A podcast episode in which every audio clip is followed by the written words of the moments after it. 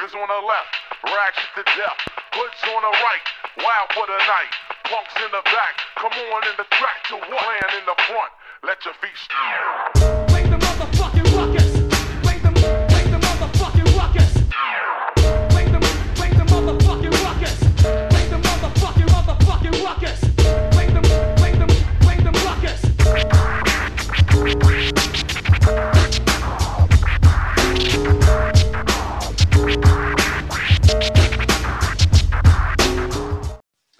Halo, selamat datang di Serang Balik Podcast. Hmm, hari ini kita di rekaman yang ke-11. Tapi kali ini kita bakal ndak terpacu pada tema atau gimana. Kita mau ngomong bebas hari ini. Karena ya dari awal kita udah tekankan kalau podcast kita nih bukan soal bola ya kan. Kita bakal ngebahas Mm.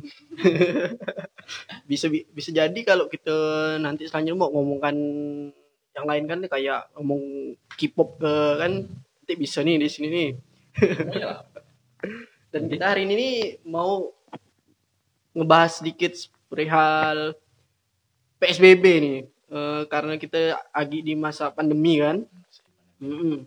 Dan ini nih kayak eh harusnya disoroti sih eh, untuk kebijakan saat ini kan khususnya di Pontianak nih kan yang kalau kami fokuskan kan di Pontianak di daerah di sekitar Pontianak tentang beberapa jalan yang ditutup lalu kayak eh, banyak warkop yang ditutup semua warkop Nah, hari ini kita ada orang nggak nih? Ada tamu. kita kita mau ngundang ini apa Bapak. ketua adat Bukan, ketua bukan. Bapak itu Bapak Indonesia 4.0. milenial ya. Oke deh. Namanya Bang Pai Eh, harusnya orangnya lah perkenalkan diri. Halo. Saya Kong Lalat. Kong Lalat ya ya. Kong Lalat ya. Iya saya Pai. Biasa disapa Pai. Dikenalin saya bukan siapa-siapa. Toko masyarakat mungkin. Eh, toko ya toko masyarakat ya kayak di GG gitu profilnya kan atau Twitter. Toko masyarakat influencer. Nah itu. Pokok sangat berpengaruh bagi anak dan istri saya? Jadi selama masa entah semi PSBB ya gitu nih padahal kita belum dikasih status PSBB kan. Jadi kegiatan kita nih apa ya nih Bang Pai? Konglalat nih semi PSBB ya? Ya khusus di Pontianak kan yang pertama kali di Kalbar itu dapat zona merah yaitu Pontianak kota Pontianak dan hanya kota Pontianak yang di Kalbar ada penerapan jam malam Karena ini emang belum bisa dibilang PSBB, belum belum belum belum bisa dibilang PSBB kan karena enggak ada kayak dari gubernur gitu atau wali kota bilang kalau bakal ada PSBB gitu kan. Tapi kan enggak ada, cuma tiba-tiba jalan ditutup gitu kan. Dan waktunya itu pun ya pas jam malam ya sekarang. Jam malam. Jadi kedengaran tuh lebih lebih cocok disebut emang jam malam bukan PSBB kalau di Pontianak ini. jam malam nih kayak kita kembali ke orde baru mungkin Ah, kayak orde baru gitu. Karena memang pernah nggak ngaju kan kalau nggak salah. SBB itu PSBB itu kalau suatu daerah ingin di eh, terapkan PSBB-nya harus ngajukan ke pusat dulu. Nah, konon katanya di sini belum udah pernah ngaju kan, cuma udah disetujuin. Hmm. Ini birokrasi yang berbelit-belit. Ya itu biasalah ya. Kalau birokrasi itu ya kalau nggak berbelit ya bukan di sini, bukan endol. Indonesia Jadi kalau kalau ditanya gimana aktivitas selama pandemik apalagi yang dibilang PSBB absurd sekali gitu kan di Pontianak. Dan penerapan jam malam juga pun jam 9 awalnya jam 9 sampai jam 3 Tiga. subuh, tiga subuh ya kan? pagi Jam 9 malam, jam 21 sampai jam 3 subuh. Itu di di blok kan jalan-jalan Jalan vital utama. ya, jalan Ah. utama. Jalan utama di blok. Kalau jam penerapan pembatasan apa ya blok jalan utama di jam segitu, eh siapa yang mau lewat gitu? Utilanak. mungkin ini PSBB untuk makhluk halus sih kayak Kayaknya sih. ya. mungkin kali ada Indigo. nah, Indigo. ya menurut aku pun absurd deh. Itu jenis aturan apa sih ya? kayak gitu itu penerapan jam malam gitu kan? Kayak apa sih? Penjara yang secara tidak langsung bah gitu kan? Orang disuruh di Orang- rumah. Enggak, ya kan kalau udah kayak sekarang kan? Orang kan memang udah malas keluar kan? Hmm. selain orang lihat berita. Orang kan nggak mau gak kayak dia pun terkena. Makanya pun kalau nggak ditutup jalan kemarin udah hitungannya udah sepi udah sepi ya betul.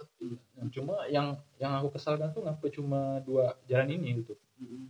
yaitu jalan Ahmad Yani sama jalan Gajah Mada. Macam ada nah itu kan itu kan sedang sedangkan jalan ini dua ini kan jalan yang yang banyak dilalui kendaraan pribadi orang masyarakat. Hmm, iya. bukan kendaraan yang uh, besar industri. ataupun yang bawa penumpang kayak bis gitu kan. Tapi kan cuma ini kendaraan masyarakat gitu. Iya. Untuk daerah industri malah malah bukan Bukan, enggak kan? enggak, itu tuh Tanjung Pura di- itu kan? Tanjung Hmm. Pura di uh, aku tadi juga chat nanya kawan aku kan di Siantan malah enggak ada yang nutup. Kan iya kayak gimana ya? Seakan-akan ekonomi itu cuma ekonomi korporasi nah itu aku bilang. Seakan kayak orang yang jualan di gang-gang gitu kan yang jual tepi jalan jual-jual es gitu kan. Kan selama jalan itu tutup nggak ada yang beli gitu kan para buruh yang bekerja yang sekarang yang masih Hmm, untuk perusahaan masih tuh kerja. mungkin udah diinstal semadap mungkin kan Iya. antivirus ya jadi kebal kan jadi mie cafe terus apa lagi gitu nih ya masih asik loh Hmm. kalau bicara itu PS, PSBB dibilang PSBB bukan PSBB gitu kan penerapan jam malamnya untuk ngusir hantu ya gitu kan Ah, iya. Melarang Iya. nanggung gitu kan nanggung gitu dan, dan cuma itu dijaga nggak sih? Dijaga. Selama selama jam 9 sampai jam 3 subuh itu dijaga nggak sama orang? Enggak enggak nggak tahu. Penutupan sama pembuka ya Bi? tadi soalnya tadi aku lewat itu jam 8 ya Mm. delapanan tuh dijaga. Tapi nggak tahu sih sampai ini jam berapa. Tapi masih bagus berarti tugasnya satpam kopling lah iya Iya. lebih tahan kan? Lebih tahan gitu. Bawa untungan Bawa kentongan gitu. Standby. Untuk kayak sekarang pun misalnya di jam awal-awal kan dari misalnya dari jam 7 nih kan kalau yang sekarang kan. Ya malahan misalnya untuk mengurangi aktivitas warga nih kan berkumpul lah kayak gitu kan. Kan untuk sekarang malah yang rame itu kan di jalan-jalan alternatif gitu kan Iya, jalan-jalan jalan-jalan. kecil. Jadi itu letak pemikiran mereka untuk mengurangi itu di itu tuh kayaknya dangkal sekali. dangkal sekali gitu Dia kan mikir kalau jalan tutup tuh otomatis orang nggak ke mana Hmm. sedangkan jalan di Pontianak ini banyak. Yang jalan cuma bentuk wakilannya ada. Cuma dan tidak tidak berfungsi sih. Hmm. tidak ada tidak bakalan efektif apalagi pembatasan jam malam. Bahkan PSBB sendiri pun gue diterapin tidak bahkan PSBB sendiri pun kita bisa pertanyakan Iya. apa PSBB ini dibuat? Kenapa nggak pakai undang-undang tentang karantina ya PSBB diterapin kan beberapa daerah tapi jalur transportasi benar-benar. Ah, sedangkan tapi katanya ditutup. Tapi bila kalau kita ngomong apa? Transportasi. Kan berapa jangan kan tapi itu transportasi itu loh yang di yang boleh dijalankan yang yang legal lah katakan yang legal gitu. Kayak bis damri di Pontianak transportasi. Tapi kalau kayak taksi-taksi kecil Iya. itu dilarang. Dilarang. Masih dilarang kan? Ya, kayak kendaraan bis-bis yang antar kota. Antar kota dilarang. PSBB pun menurut aku apa sih ini kan? Kayak kemarin tuh yang heboh yang McD di ibu kota tuh kan. Ah, kan mereka kan udah statusnya PSBB kan. Ya dan itu dilanggar. Dan itu tuh kaum kaum berjois yang bodoh gitu kan. Ya kita nih udah bertahan nih dua bulan di rumah. Dan dan mereka tuh seenak-enaknya ya nostalgia lah kata dia kan. Eh, punya ini punya apa? Punya kenangan. Itu itu itu berita yang paling yang benar itu apa sih. Maksudnya yang disari eh, di di McD itu penutupan ya? Tutup kayak nostalgia kayak seremoni gitu ya. Hmm. seremoni penutupan. Hmm. tapi jubirnya bilang di detik.com itu mereka antri pembelian. Tapi jelas-jelas videonya tentang itu tentang penutupan. kan? Nah jubirnya tuh nggak masuk jubirnya. Hmm. nah, aparat lagi silop, silop Oh, itu silop. ngomong gitu itu dan aku aku nge-share gitu. Ya aku bilang silop itu jubirnya. Iya, sekarang tuh pembelian dari mana kak sampai nyalakan lilin kan?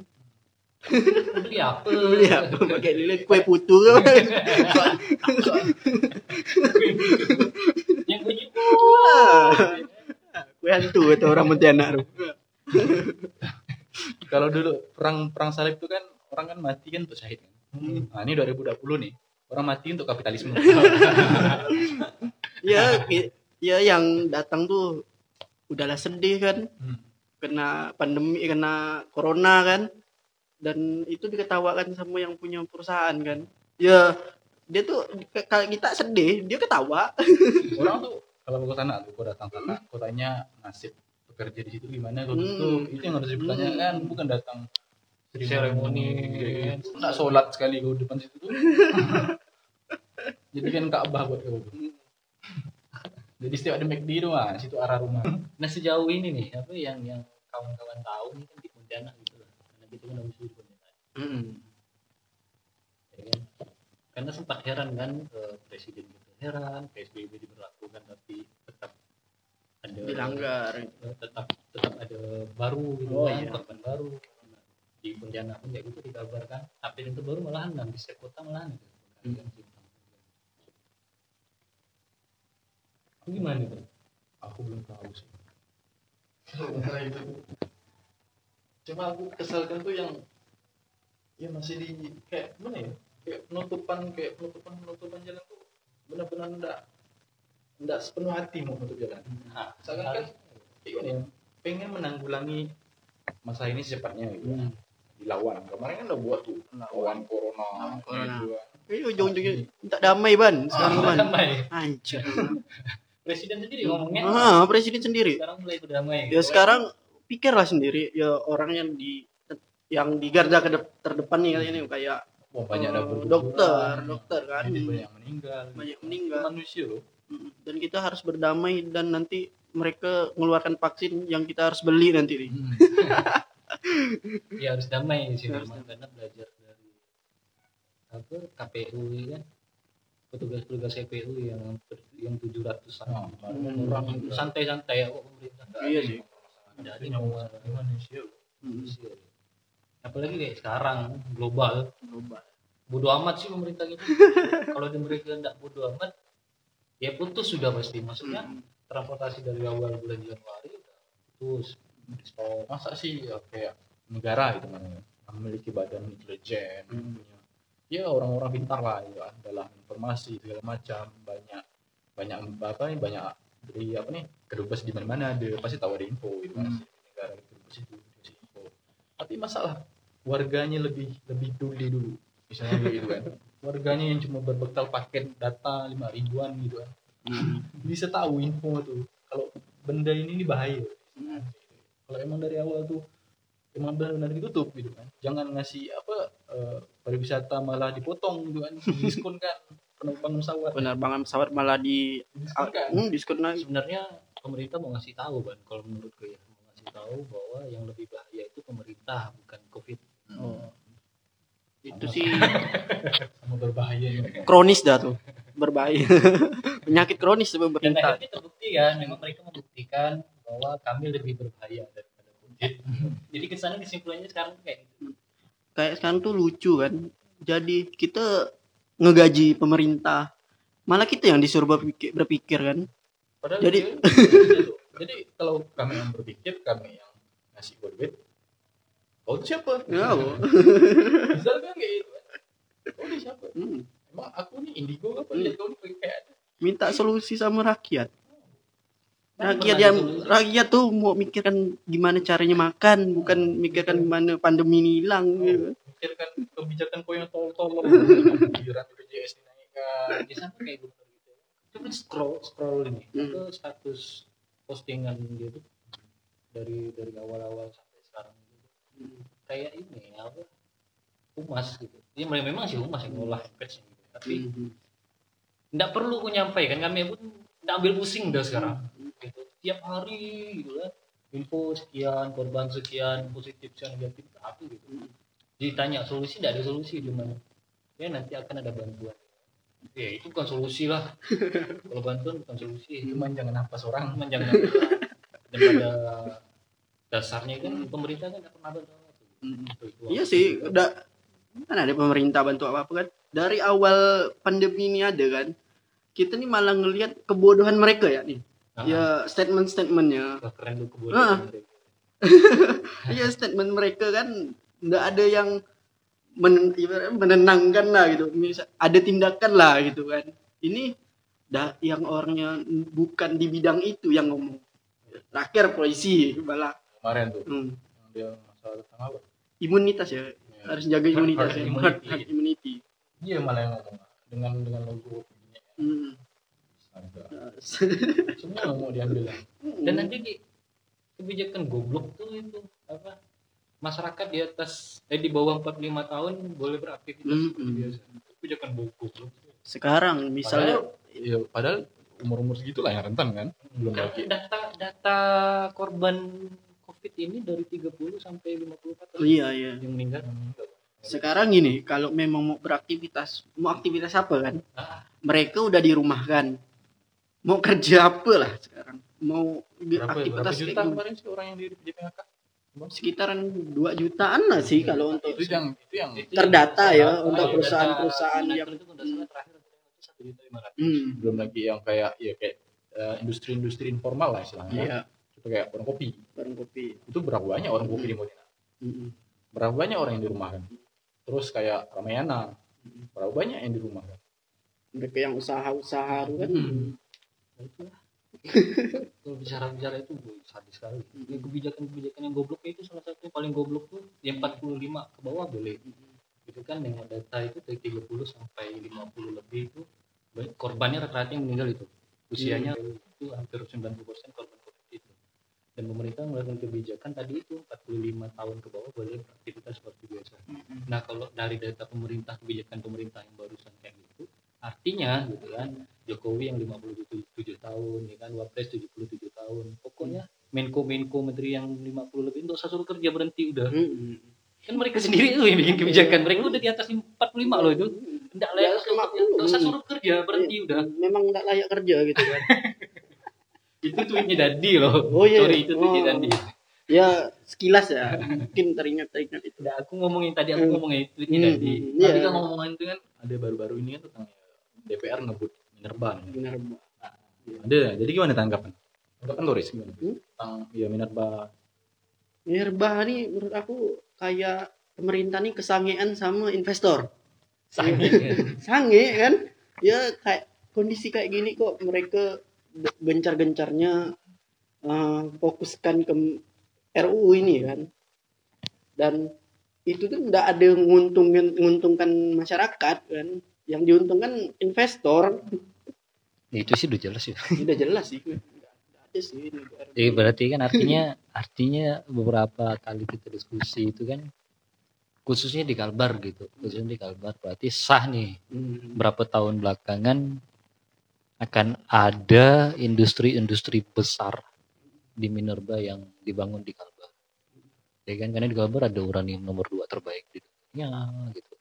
Ada tambang emas dan itu iya di kecamatan di, di kecamatan Elah Hilir Melawi. Belum lagi emas. Hmm. belum lagi nikel. Eh apa? Eh, bukan nikel. Yang di boksit. Boksit.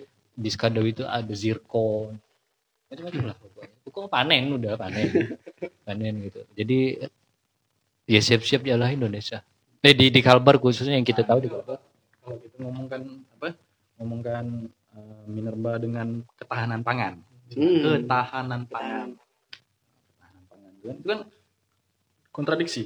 Iya. di satu sisi eh, invasi untuk pembukaan lahan segala macam itu kan terus-terusan Bu, di mana-mana. Sedangkan eh, lahan untuk eh, petani petani untuk kita makan petani beras petani nasi nasi itu buat kita makan kan? Hmm. di segala macam itu kan udah enggak ada. Iya. ujung-ujungnya ujung-ujungnya kita impor kan. Nah yang yang menangnya eh, vendor yang impor ya. Bahan makanan apa sih yang kita nggak impor? Hmm, hampir semua bahan pokok tuh kita impor. sekarang pemerintah lagi lagi baru kan melalui ke Erlangga itu. Hmm. Menteri Erlangga itu. Lagi bikin tempat aku eh, sawah gitu ya sawah. Kalau di di sekarang bangunnya di Kalteng nggak salah. Di Pulau Pisang 900 hektar.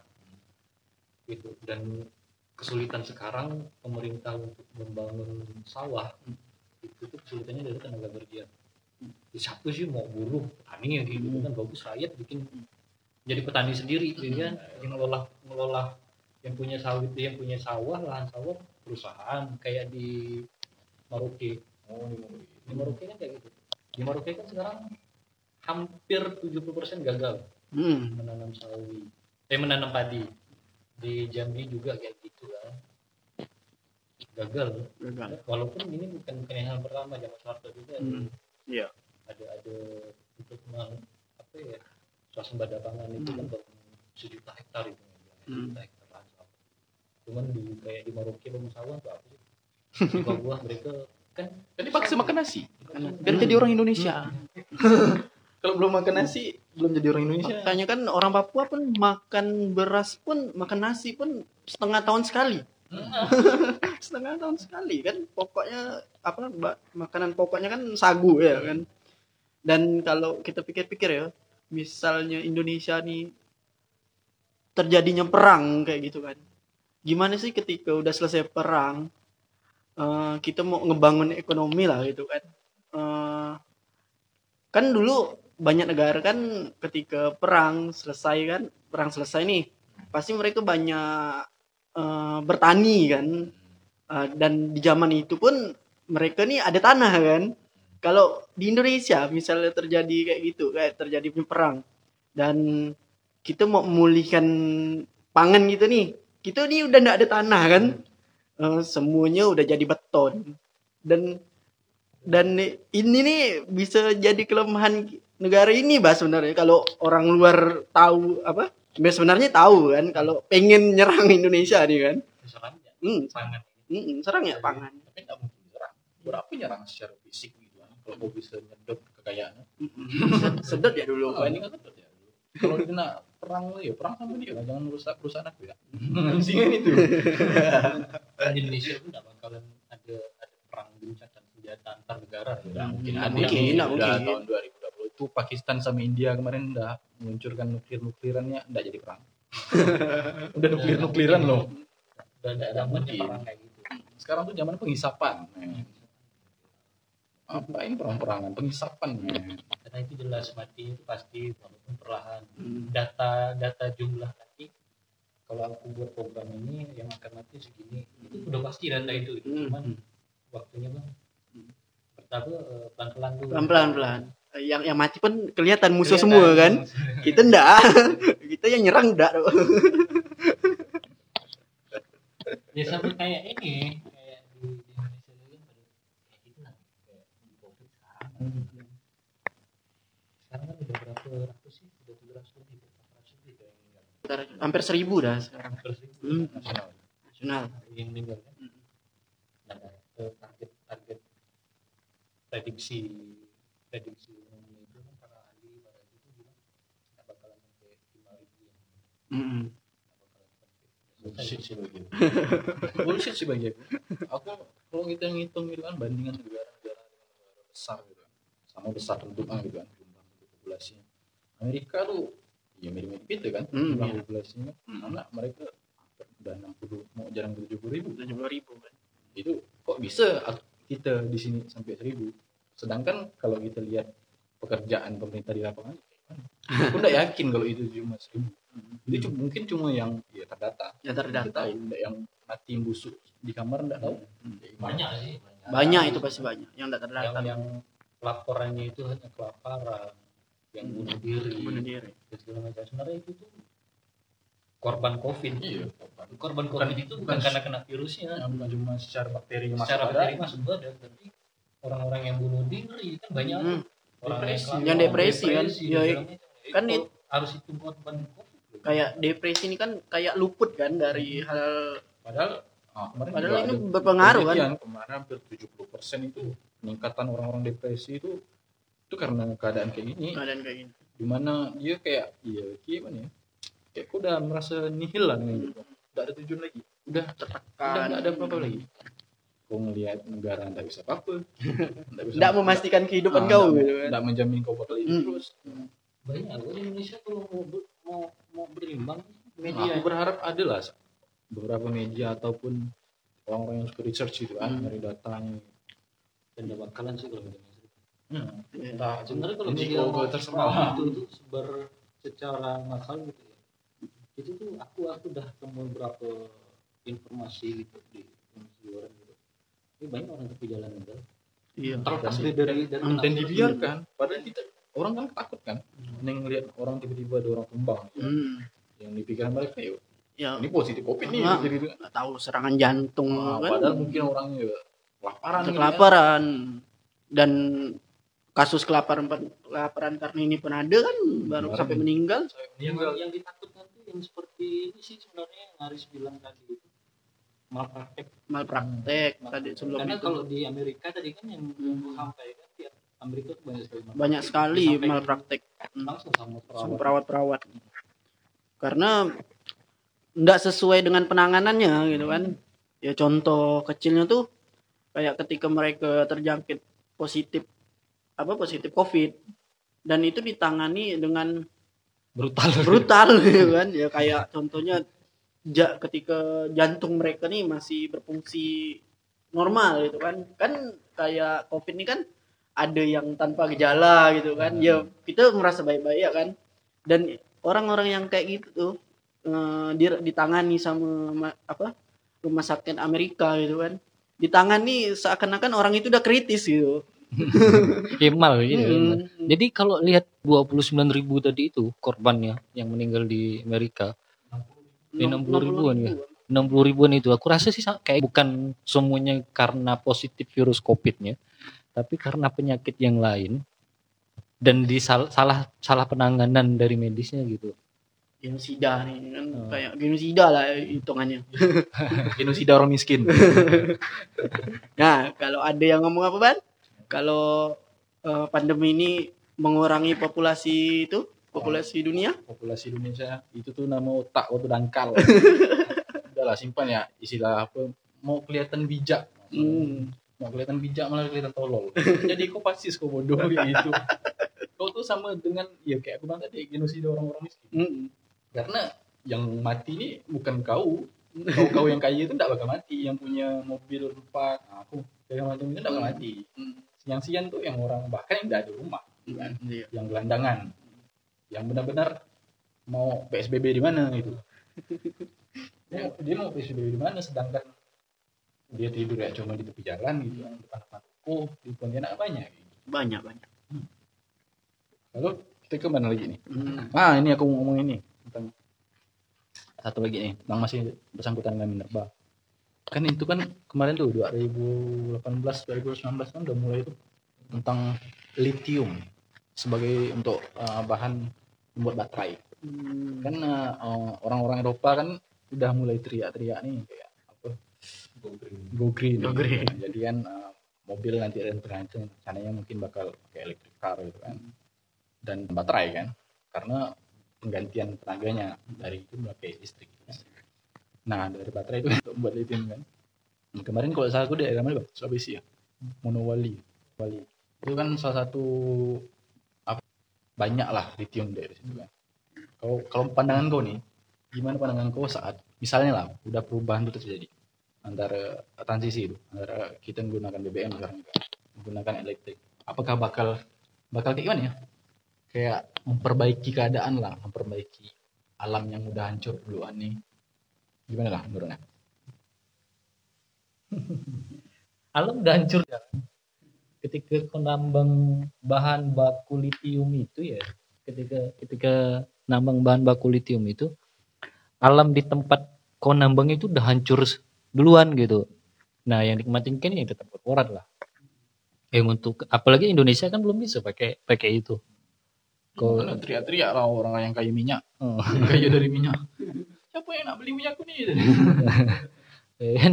Sekarang minyak turun ya enggak turun Indonesia. oh, Ya padahal minyak mentah turun di sini. Iya. Myanmar ya turun. Sampai sembilan kali Vietnam turun Malaysia turun. Indonesia yang udah turun.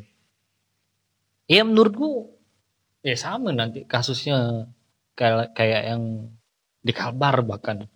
Ya kayak uranium dan segala macam. Sebenarnya sekarang kan udah udah proses nambang. Penelitian itu udah ada dari tahun Oh. Bahkan kerjasama Indonesia terhadap uranium di Kalbar itu udah tahun 70-an penelitian itu yang gencap dari kan tahun 70-an loh. Karena ya kalau dia balik lagi tentang tahun 70 ya zaman perang dingin Hmm. lalu sampai 90 kan udah modernitas tentang senjata nuklir. dan katanya pun apa untuk listrik. Katanya. Untuk listrik. Bukan untuk listrik warga tapi untuk listrik perusahaan sawit untuk narik itu tuh narik narik apa air itu kan perlu tenaga kan air untuk menyenangi investor maksudnya Udah lah kalau mau mau gali tambang litium itu gitu dengan landasan dengan dasar untuk Go green go green dah lah basi dah gitu. Sekarang udah ada panel surya yang lebih efektif kok. oh, Lebih efektif kok panel surya. Ya panel surya enggak ngapa-ngapain kan lebih efektif kok. Cuman butuh panel, panel semakin banyak panelnya nampung energi, ya kan? kan enggak ada yang untung bang Nah, kalau pakai panel kan enggak ada yang untung. Enggak ada yang untung. Kalau mau pakai panel tuntas gua tuh. Di Kalbar sendiri pemasukan listrik kalau mau mau lebih go green katakan kayak gitu ya lebih go green dan enggak impor dari Malaysia karena sampai sekarang kan impor Malaysia sampai Malaysia nih listriknya tanda di kampungku gitu setiap daerah setiap kampung kecamatan punya air terjun jadi merupakan tenaga tenaga kayak gitu tenaga air Nah, minimal untuk warga sekitar lah yang hanya 40 KK gitu. Mampu kok ditambah lagi panel surya dibantu. Mampu kok. Cuma jadi masalah kan tidak bakal dapat dua ya. Gitu loh, tidak ada pemasukan untuk kas negara kan. Sian negara Ya. kita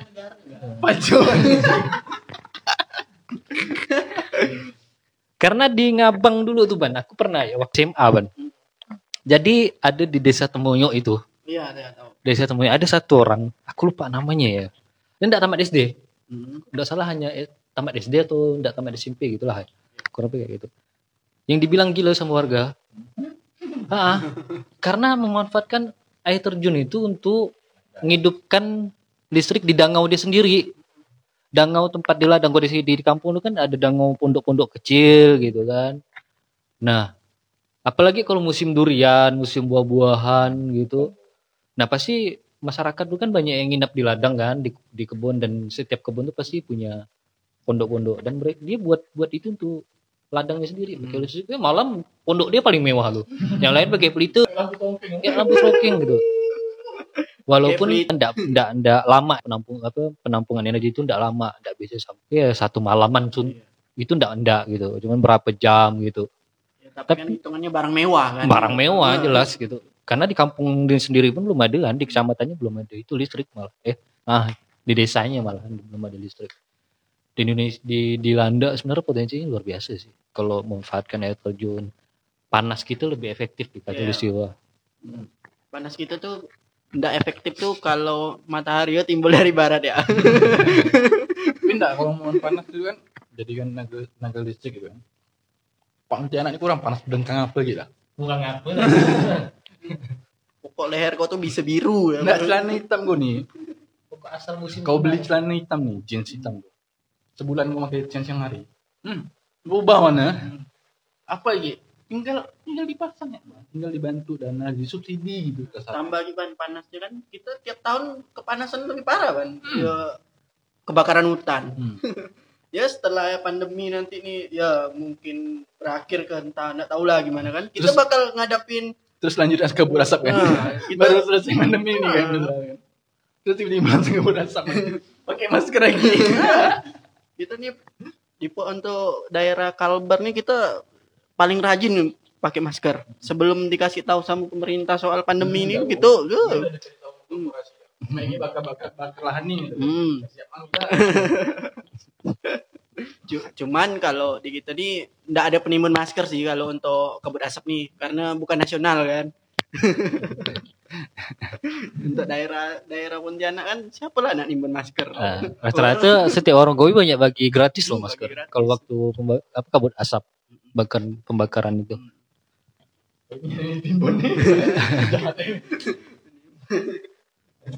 Nah, kita belajar di pandemi ini salah satunya masker itulah.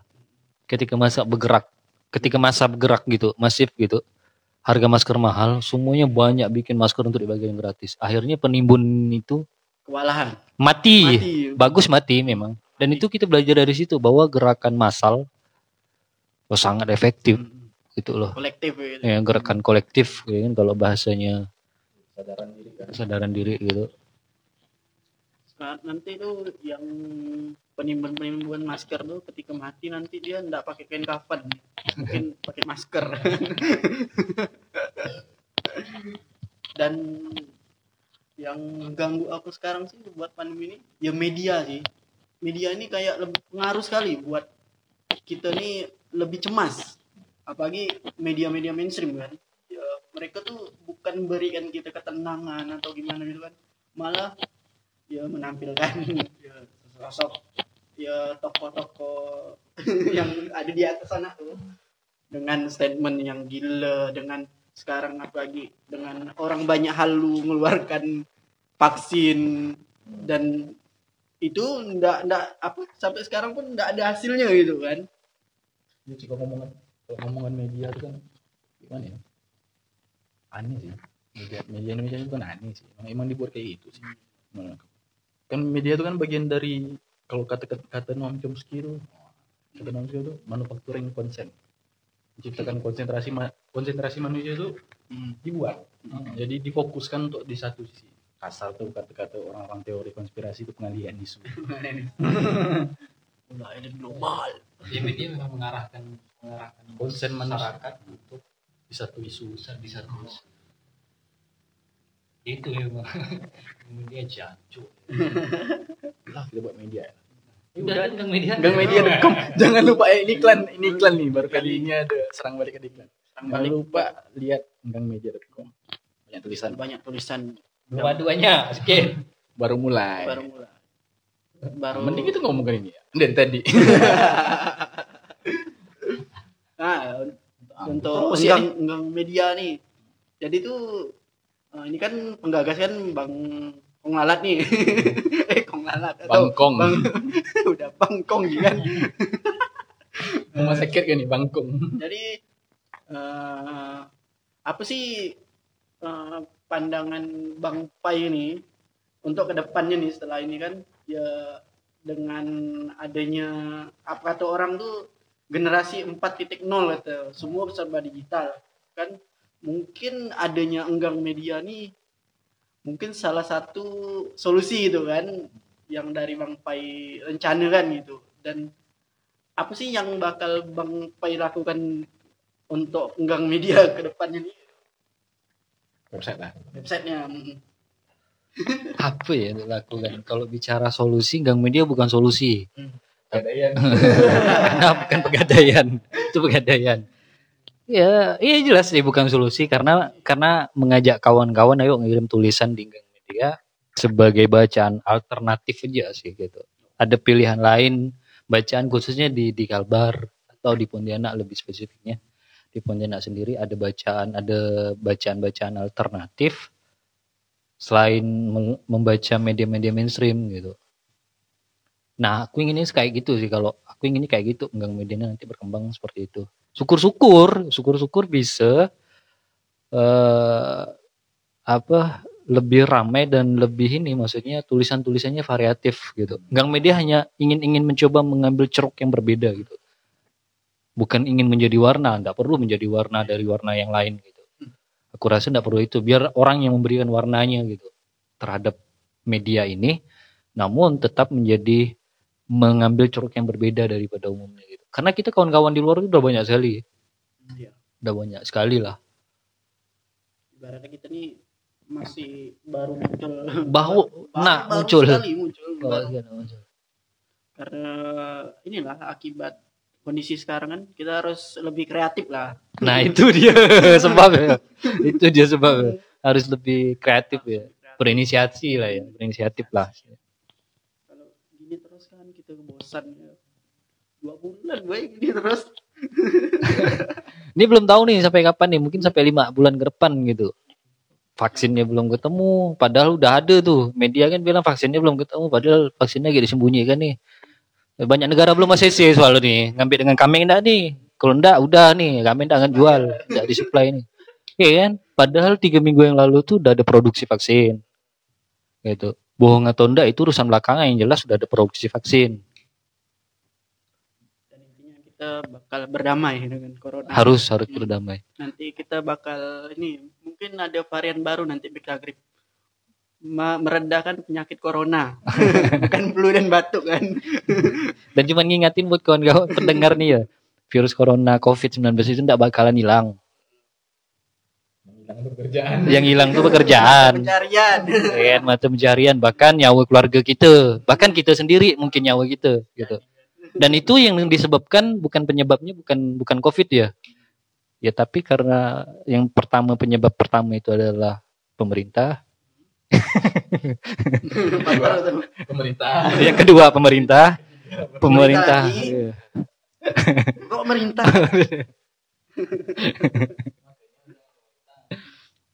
Eh, nanti kita dikritik bang.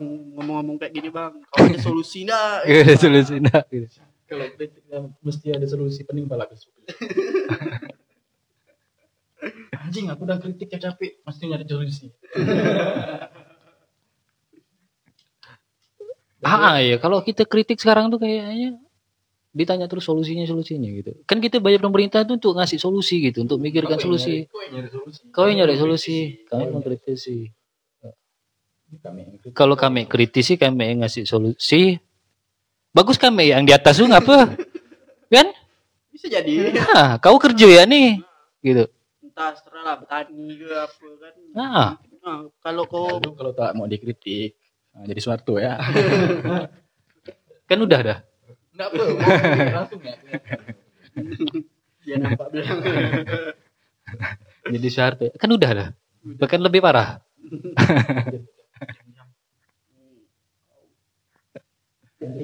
Nah jadi Riz mau nanya nih kan kau eh, kau kan sering keluar nih kan selama selama pandemik nih gitu loh di Pontianak gitu ngomongin Pontianak yang Hmm. dekat gitu ya. Nah sebenarnya di Pontianak nih apa ke gitu apa ke ya selama ini aku belum belum lihat nih kebijakan Pemdanya sendiri ya Provnya sendiri untuk iya setidaknya menuntaskan lah ada upaya gitu Iya. upaya untuk mengentaskan COVID ini gitu. Tidak ada kan sekalian. Aku pun- Aku ndak nengok nih Hmm. pemerintah ada upaya gitu. Keseriusan itu enggak ada. Nggak ada. Semua orang kan butuh Ini cuma penguluran loh ya, penguluran waktu. Nah, pengeluaran waktu Se- seolah-olah kita ini bekerja gitu kan. Orang-orang si orang pemerintah daerah sini ini bekerja gitu kan. itu ya, cuma nunjukin bahwa kami ini kerja Hmm. gitu. Dan apa sih kayak buang-buang tenaga untuk orang banyak lah ya kasihan lah sama polisi sama pol pp kan Heeh. Eh, mondar mandir keluar anak bini kan banyak ya kan Orang-orang disuruh di rumah dia keluar. Ah, dia keluar Ndak ke kau ini nanti nularkan penyakit gak di keluargamu Ah. gitu. ya kan kalau kita lihat kan sejak kapan sih polisi ndak gerombolan kan Ah, Nah, pol pp gerom, ndak gerombolan kan Pasti sejak kapan gerombolan. pasti Ah. gerombolan ya. itu social distancing dari mana gitu kan Hmm. Dan itu harus dipertanyakan tuh keseriusan pemerintah daerah Pontianak tuh juga harus dipertanyakan ini serius enggak nih gitu oh enggak biar kami ya- yang mikir kan nih gitu. Ah. Anggarannya itu udah di, di dibuang apa di, diberikan semua ya gitu kan ke kami biar kami mikirin nih gitu. Mikir. ngomong Pontianak sih ini aku sebagai eh, orang Tanjung Raya perwakilan Tanjung Raya Budaya Dewan Tanjung Raya gue nak mau aku. Itu kan pemuda pemuda. Kan gi- Tidak isu ngucapin ini kan sebagai pemuda. Nuh, pemuda. Pemuda Pancasila.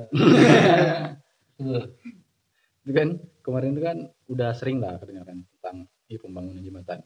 Digandeng kayak ya, kayak kayak di lah sekarang. Aku takutnya itu selama pandemi ini kita kan nggak tahu kan? Pandemi ini sampai kapan kan? Dan s- aku dengar dengar tentang perencanaan pembangunan itu kan bulan 6 Hmm. mulainya bulan 6 sedangkan kita tahu itu belum belum lama ya dekat udah dekat Iya, udah dekat. kan udah jauh bulan sekali. depan kan? Ah. Hmm. kalau itu emang benar emang benar-benar dijadikan dibangun dan ya kayak mulai kayak penggusuran ini itu pun dimulai ya kayak gitulah kita ngelihat sifat asli dari ya, otoriter otoriter negara. Ya enggak berlaku untuk Pontianak itu kan sekarang kan masih. Iya, masih. Iya, maksud aku karena orang kita ya kita nggak ngelihat langsung Oh, iya. kan. Kita cuma ngelihat dari media. Dari media. Nah, sedangkan kalau emang itu benar-benar terjadi di depan muka kita Hmm. kalaupun kau masih tidak bisa bersimpati dengan orang yang lainnya di itu kan tuh aku tidak tahu sih. Soalnya kan banyak banyak nah, mindset orang orang Indonesia orang-orang lokal gitu kan mikir kalau gusur tuh ya udahlah tidak apa gitu kan Untuk kepentingan umum katanya. ganti ganti rugi demi negara gitu kan. Kepentingan umum katanya umum Ya. yang mana gitu kan. padahal orang tuh cuma ngelihat di rumah tuh seakan-akan cuma dari sisi ekonomisnya dari uangnya padahal di rumah itu tuh ada sejarahnya Ya itu kayak kembali lagi kayak kalau sama McD tuh. nah jadi kayak sejarah tapi ini rumah. Ini rumah ya. Bukan- kan tempat kau berteduh. bukan Kau korporat enggak bayar ya kan. di rumah itu rumah tuh ya ada tetangga itu kan. Saat kau rumah kau digusur dan kau pindah kan berarti kau mesti menyesuaikan hidup baru dengan lingkungan baru tetangga baru gitu kan. Dan tidak semua orang bakal cocok kalau dipindahkan. Dan di apa nih eh, nilai-nilai itu tuh yang tidak dihitung sama orang. Orang-orang yang iya hatinya batu tuh tidak ada rasa simpati kita lihat orang-orang yang digusur segala macam susah gitu kan kalau aku sih aku nggak tahu sih kayak gimana kalau emang benar-benar dihajarkan buat dijadikan bulan dekat ini karena kondisi kayak gini Dengan kondisi kayak gini ya agresifnya pemerintah soal pembangunan pembangunan nih. Ya kan kita negara yang gila dengan pembangunan kan. Apa-apa nak dibeton gitu. kan ini semua karena bapak pembangunan Guru besar tuh. Jangankan itu dalam masa pandemi gitu ini ya pemerintah masih kekeh kan untuk bangun ibu kota tetap berjalan. Masih Apalah urgensi bangun ibu kota tetap berjalan gitu. di masa-masa sekarang kan. ya kelihatan sih ndak mampu kerja kan ya gini kau kau ndak mampu menyelesaikan Jakarta nih tiba-tiba kau cuci tangan ah cuci tangan kau pindah gitu kan Ya sama kayak jembatan itu. Hmm. Jembatan yang dibilang Bandi gitu. Sebenarnya itu kan bukan opsi. Itu cuma ini memang tidak mampu aja sih. Nah, emang kalau aku mau kan kalian dibilang kan aku kan mengkritisi gitu kan aku mengkritisi pemerintah nanti dia dibilang mana solusinya ah ini aku punya solusinya nih aku jawab ini kalau emang benar-benar ada solusi ini ini pasti bisa perbanyak kendaraan umum perbaiki fasilitas umum kalau udah kendaraan umum tuh rapi kayak bus bus kota rapi hampir setiap persimpangan tuh ada lewat bis segala macam. Ada terminal terminal kecil perawan jadi orang nggak pernah nggak perlu lagi beli motor gitu kan. Karena mau ke mana pun kau ada bis. Misalnya kayak gitu kan. Benar-benar bisa lah di, bisa diandalkan. Tapi mana mau nggak mungkin terjadi solusi itu. Nggak bakal terjadi. Karena apa ya? Kasihan lah kawan-kawan kami yang jual motor ah, rugi lah kawan kami yang jual motor. Udah amat lagi tak macet. Asal jangan kawan kami rugi jual motor. Nah, karena kasus kasus kayak gini nih aku nggak salah tuh 2014 atau 2015 itu tuh pernah ngomong di nih pernah diskusi gitu ya sama kawan. Kawan itu tuh dia staf salah satu calon DPR di kota Pontianak. Gitu loh. Staf jadi aku na- nanya eh, waktu itu diskusi kayak gini gimana sih supaya tidak macet gitu di Pontianak nah aku cuman ngomong kayak gini sebenarnya yang jadi masalah itu bukan jalannya kecil gitu loh tapi jumlah produksi kendaraan yang tidak pernah dibatasin gitu. Nah jalan ini ibaratnya kalau kalau dia muatnya satu air satu ember, tapi diisi satu baskom tumpah kan Hmm. gitu. Nah jadi jawaban kawan itu adalah gini, itu tidak bisa gitu karena kendaraan ini salah satu satu satunya income, income gitu, ya kan dari pajak, dari keuntungan penjualan dan segala macam. Dari pajak ya kita banyak sekali itu pajak macam-macam lah pajak penjualan pajak motor dan segala macam. Iya kan? Nah solusinya memang itu sih. Di negara mana pun untuk menghindari macet kurangan itu ya kendaraan pribadi. Ya kurangin jalan pribadi eh, kendaraan pribadi dan kendaraan perbanyak kendaraan umum fasilitas kendaraan umum. Dan lagi-lagi jembatan itu tuh bukan solusi. Karena nanti bakal kita nggak tahu kan. Mungkin berapa empat enam tahun lagi udah macet lagi. Pasti macet lah. Pastilah. karena satu satu dealer nih itu tuh satu bulan bisa wajib salesnya ini bisa wajib 10 sampai 20 kendaraan loh satu dealer loh. Berapa jumlah dealer? berapa jumlah dealer berapa jumlah merek kendaraan gitu. Itu motor belum di showroom. Belum mobil gitu. Kan bajingan gitu kalau memang untuk akses akses jalan ini kan kita udah ada jembatan dua gitu. Di daerah sana tuh bisa bangun juga tuh. Wajo. Bisa aja. Namun itu kan tidak bakalan dicepatkan tuh. Ya, aku pun ngerasa sih kok sebagai warga Pontianak nih untuk kendaraan umum tuh kita eh kendaraan apa? Nah, ya kendaraan umum itu sangat susah gitu kan. Soalnya ada daerah-daerah yang nggak bisa dijangkau. Padahal kan ya, cuman zaman-zaman dulu kita pakai oplet kan. Hmm, Kalau aku dari anggaplah dari dari daerah Lianyang, aku mau balik ke Tanrai gitu kan. Kan mesti dua kali naik oplet. Hmm. Dan kalau pakai bus pun pakai bus kota pun dulu tuh lama sekali sampai soalnya dia mutar kan. Hmm, iya. Dan cuma satu jalur itu bus kota. Dia nggak ada jalur lain, cuma satu jalur itu. Karena emang benar-benar minimnya. Itu tadi kendaraan umum. Kendaraan umum. Minim sekali kendaraan umum. Sebenarnya untuk ngat, iya contohnya Jakarta kan, ngapa dibuat kayak busway itu kan? Jadi untuk MRT ini itu kan kendaraan umum untuk mengurangi kemacetan itu. Nah, kalaupun udah dibuat kendaraan umum tanpa ada pembatasan jumlah produksi kendaraan pun percuma juga sih. Karena Sama-sama hedon nambah gak sih? ya, sama-sama nambah kan karena hedon konsumtifnya kita itu gitu loh. Baru tiga tahun udah nggak ganti motor. Nggak ganti motor padahal motornya masih layak gitu kan. Dan sekarang tuh yang kangen sebenarnya tuh waktu masih kecil di Pontianak itu nengok lihat beca dan segala macam Oplet. oplet gitu. Dan yang yang bajingan sebenarnya itu aku pernah dengar kawan-kawannya ya yang buat macet itu becak oplet bajing kan benar gue ngomong kayak gitu gitu loh. Itu orang bilang kayak macet itu pedagang kaki lima. Itu. Ah, sama dengan orang bilang ah itu tadi Padahal yang kena macet ya kendaraan itu. apalagi satu rumah tuh rata-rata data itu satu rumah tuh tiga. Tiga motor. Tiga motor gitu. Parah sekali. Semuanya pergi keluar kan. Nah, belum lagi kalau kita ngomongkan pusat ekonomi Pontianak yang sangat-sangat sentral gitu kan. Daerah daerah kota ya gitu kan kan. Daerah kota Jayapura macam sedangkan daerah daerah timur gitu kan itu kan tidak ada terlalu banyak ekonominya yang kayak se sebesar itu kan ekonominya kecil-kecil ya paling dagang-dagangnya. Jadi tuh apa nih jalurnya itu pasti bentrok. Pergi pulang itu pasti macet gitu kan. Karena orang tuh yang dari timur ke kota gitu kan nanti baliknya ke, ke tempat dia ataupun ke utara gitu kan ke Siantang gitu.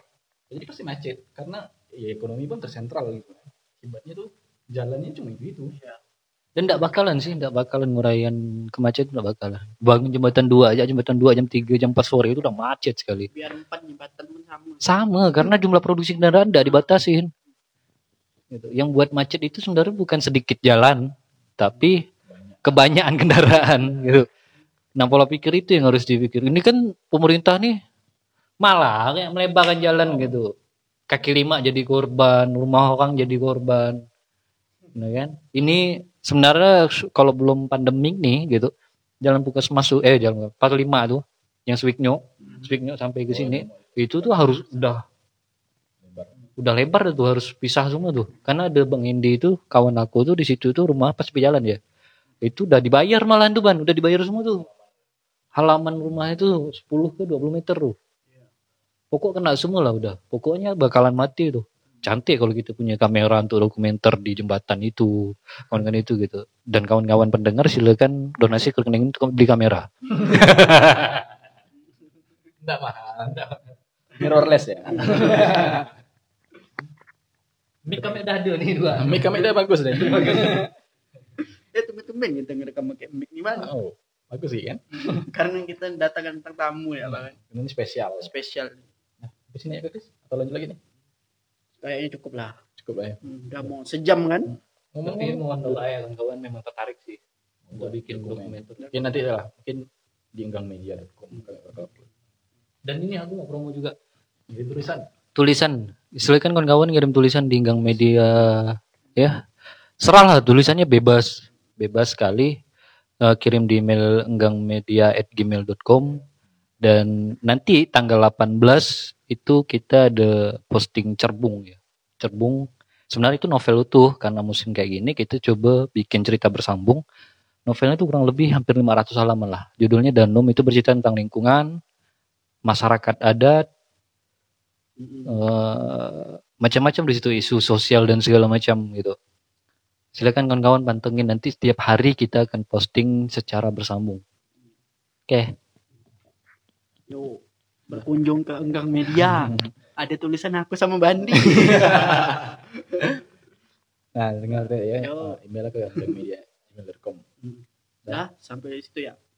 Dah, sampai jumpa. Nikmati eh, Baca dan bonus bonus. bonus bacotan. dah, dah, dah. Sometimes maybe good, sometimes maybe shit.